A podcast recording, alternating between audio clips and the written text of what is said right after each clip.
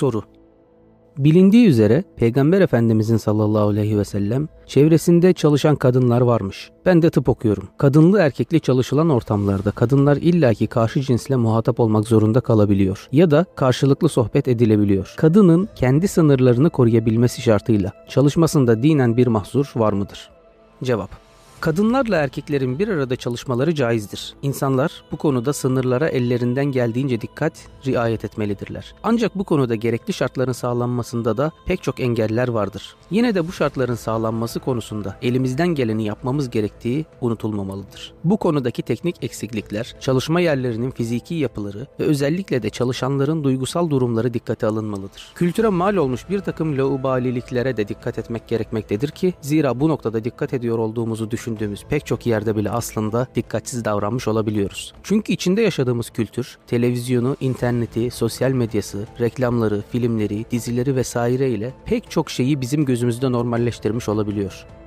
Dinimizin bu türlü muhatabiyetini araştırırken asr-ı saadet ve günümüz arasında bir karşılaştırma yapmak birçok açıdan zahmetli ve zordur. Ama bize yol gösterecek birçok olay da kaydedilmiştir. Efendimiz sallallahu aleyhi ve sellem zamanında kadınlar cemaatle namaza da, cuma namazına da, bayram namazına da katılabiliyorlardı. Ayrıca Medine'nin bir tarım şehri olması nedeniyle bu topluma özgü ziraat ve hayvancılık işleriyle ilgilenen, hatta ticaret ve bir çeşit devlet memurluğu diyebileceğimiz pazarlarda denetim işinde çalışan kadınların varlığı da bilinmektedir. Savaşlarda yaralıların bakımıyla ilgilenen kadınlar görüldüğü gibi barış zamanlarında terzilik, dokuma gibi işlerde kadınların var olduklarına rastlamakta mümkündür. Diğer yandan kadının çalışmasının caiz olup olmadığı sorusu yeni bir konu değildir. Geçmişte de kadınlar tarlalarda, iş yerlerinde, kendi işlerinde veya başkalarının işlerinde çalışmışlardır. Ancak modern çağın farklılığı bu konuda karma bir ortamın oluşmasıdır denilebilir. Bu nedenle ortaya çıkan birkaç noktayı belirtmek gerekmektedir. Öncelikle Efendimiz sallallahu aleyhi ve ve sellem zamanında hayat ayrı bir realite içinde yaşanıyordu. O zamanlarda günlük hayatın içinde yaşanan meselelerin ya da pratiklerin bazılarını bugüne aktarmaya kalksak biz bunu bugün böyle yapamıyoruz, yapılmaz diyebiliriz. Mesela Sehl bin Sa'd'ın rivayet ettiği bir vakada bir kadın Efendimiz'e gelerek Ya Resulallah ben nefsimi sana hibe etmek için geldim der. Efendimiz kadının bu teklifini sükutla karşılar. Bu durum kadını da kırmayacak bir şekilde teklifin reddi anlamına gelmektedir. Kadın bunun üzerine oradan ayrılmayıp oturur. Daha sonra ashabtan bir kimse ayağa kalkarak Ya Resulallah eğer senin bu kadına ihtiyacın yoksa beni onunla evlendir der. Efendimiz de o kişiye mehir olarak verecek bir şeyi olup olmadığını sorar. O kimse olmadığını söyleyince Efendimiz o kişiye ailenin yanına git de bak bir şey bulabilecek misin der. Adam ailesinin yanına gider döner ve hayır vallahi ya Resulallah hiçbir şey bulamadım der. Efendimiz tekrar haydi bak demirden bir yüzük olsun bul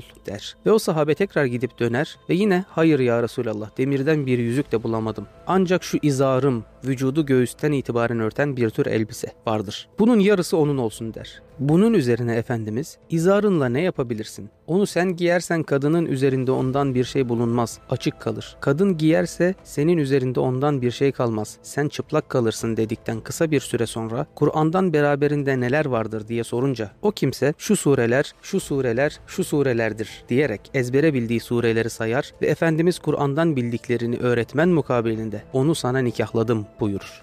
Burada bir kadının ister biyolojik ister psikolojik ihtiyaçlarına binaen olsun belli bir realiteye sahip olarak bu konuda inisiyatif alabildiğini ve maddi kaygıları çok da önemsemeden bu medeni cesareti gösterebildiğini görüyoruz. Bir başka sahabenin hanımı Efendimiz'e gelip eşinin din ve ahlakını şikayet etmediğini ancak onunla nikahlı kalmaya devam ettiği takdirde günah işlemekten korktuğunu söyler. Efendimiz de kadının kocasının fiziki görünüşünü beğenmediğini anlayınca kocasından mehir olarak aldığı bahçeyi ona geri verip veremeyeceğini sorar. Kadın da verebileceğini söyleyince Efendimiz de bu çiftin boşanmasını sağlar. Bilindiği gibi o dönemde evlilik yaşı şimdiye göre oldukça erkendir. Bazı hisler de şimdiye göre bu kadar tahrik ediliyor değildir. Yani insanlar belli bir realite içerisinde biyolojilerinin temayüllerini de doğal olarak yaşıyor haldeler ve bunun için gerekli inisiyatifleri de almaktadırlar. Evlilik kurumuyla ilgili meseleler söz, nişan, düğün diye uzatılmıyor. Önce bir okulu bitirsinler, çeyizler hazırlansın, şu kadar para biriktirsinler denilmiyor. Dolayısıyla belli hisler gelenek göreneğin baskısı altında bekletilmiyor ve inkar da edilmiyor. Bu dürüstlük ve doğallık ile beraber iman ve İslam'a ait meseleler de daha taze ve daha derin duyularak yaşanılıyor.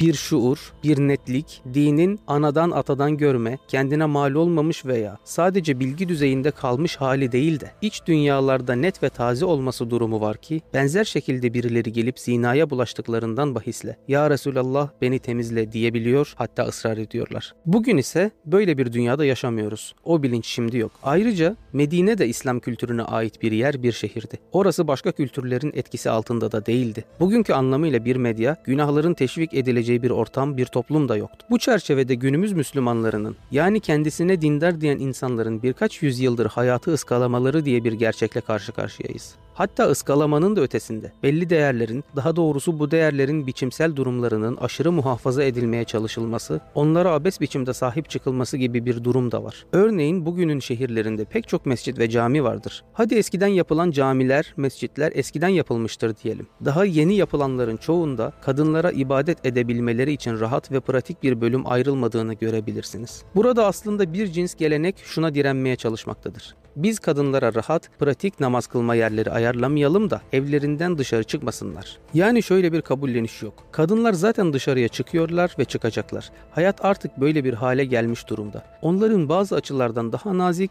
daha narin olduğunu da kabul ediyoruz veya biliyoruz. En azından öyle kabul ediyoruz. Bu yüzden onlar için namazı daha da kolaylaştıralım. Abdest almalarını, bebek bakımlarını da düşünelim. Mescitleri onlar için daha rahat yerler haline getirelim. Böyle bir düşünceye rastlayamazsınız. Bu ikinci düşüncenin gerçekleşmesi durumunda kadınları dışarıda daha çok bulunmaya teşvik etmiş olma korkusu gibi abes bir bakış açısı var. Konuyla ilgili bir başka alt başlık da şudur. Bugün için modern tıp batıda oluşmuş, onların değerleriyle şekillenmiş, onların bakış açısıyla gelişmiş bir şekilde devam ediyor. Dolayısıyla tıp fakülteleri ve hastaneler de hastanelerdeki çalışma ortamları da buna göre oluşup şekillenmiş durumdadır. Aslında hem kadın hem erkek için tıbbi zaruret olarak bilinen durumların dışında gereksiz samimiyetlere girmeden hastanelerde birlikte çalışmak fiili olarak mümkündür. Ancak yine de pek çok meselede istisnalar hariç olmak üzere hemşireler için de doktorlar için de bu imkanın uygulanır kılındığından bahsetmek pek mümkün değildir. Zaten neşterin işlediği bir yerde erkek kadın arasında haramlık pek kalmaz ve kalmamalı. Ama yine de gereksiz samimiyetlere girildiği de vakidir. Bununla birlikte hastaneler veya tıp fakülteleri bina yapımı ve teknoloji açısından mahremiyete uygun bir şekilde dizayn edilebilirdi ama edilmemiş durumdadır. İki yön itibariyle yani bir yönüyle zaten geride kalındığı için bütün bir çağa, bütün bir hayata, diğeri de geleneğin bir parçada bunları böyle ayarlamazsak acaba kadınları tekrar evde tutabilir miyiz? O geleneği sürdürebilir miyiz? şeklindeki bakış açısı da buna mani oluyor. Genel olarak bu konuda inisiyatif alabilecek kadar çok zengin iş adamı, doktor veya düşünce insanı yetiştirmemiş olmamız da olayın bir başka boyutu olsa.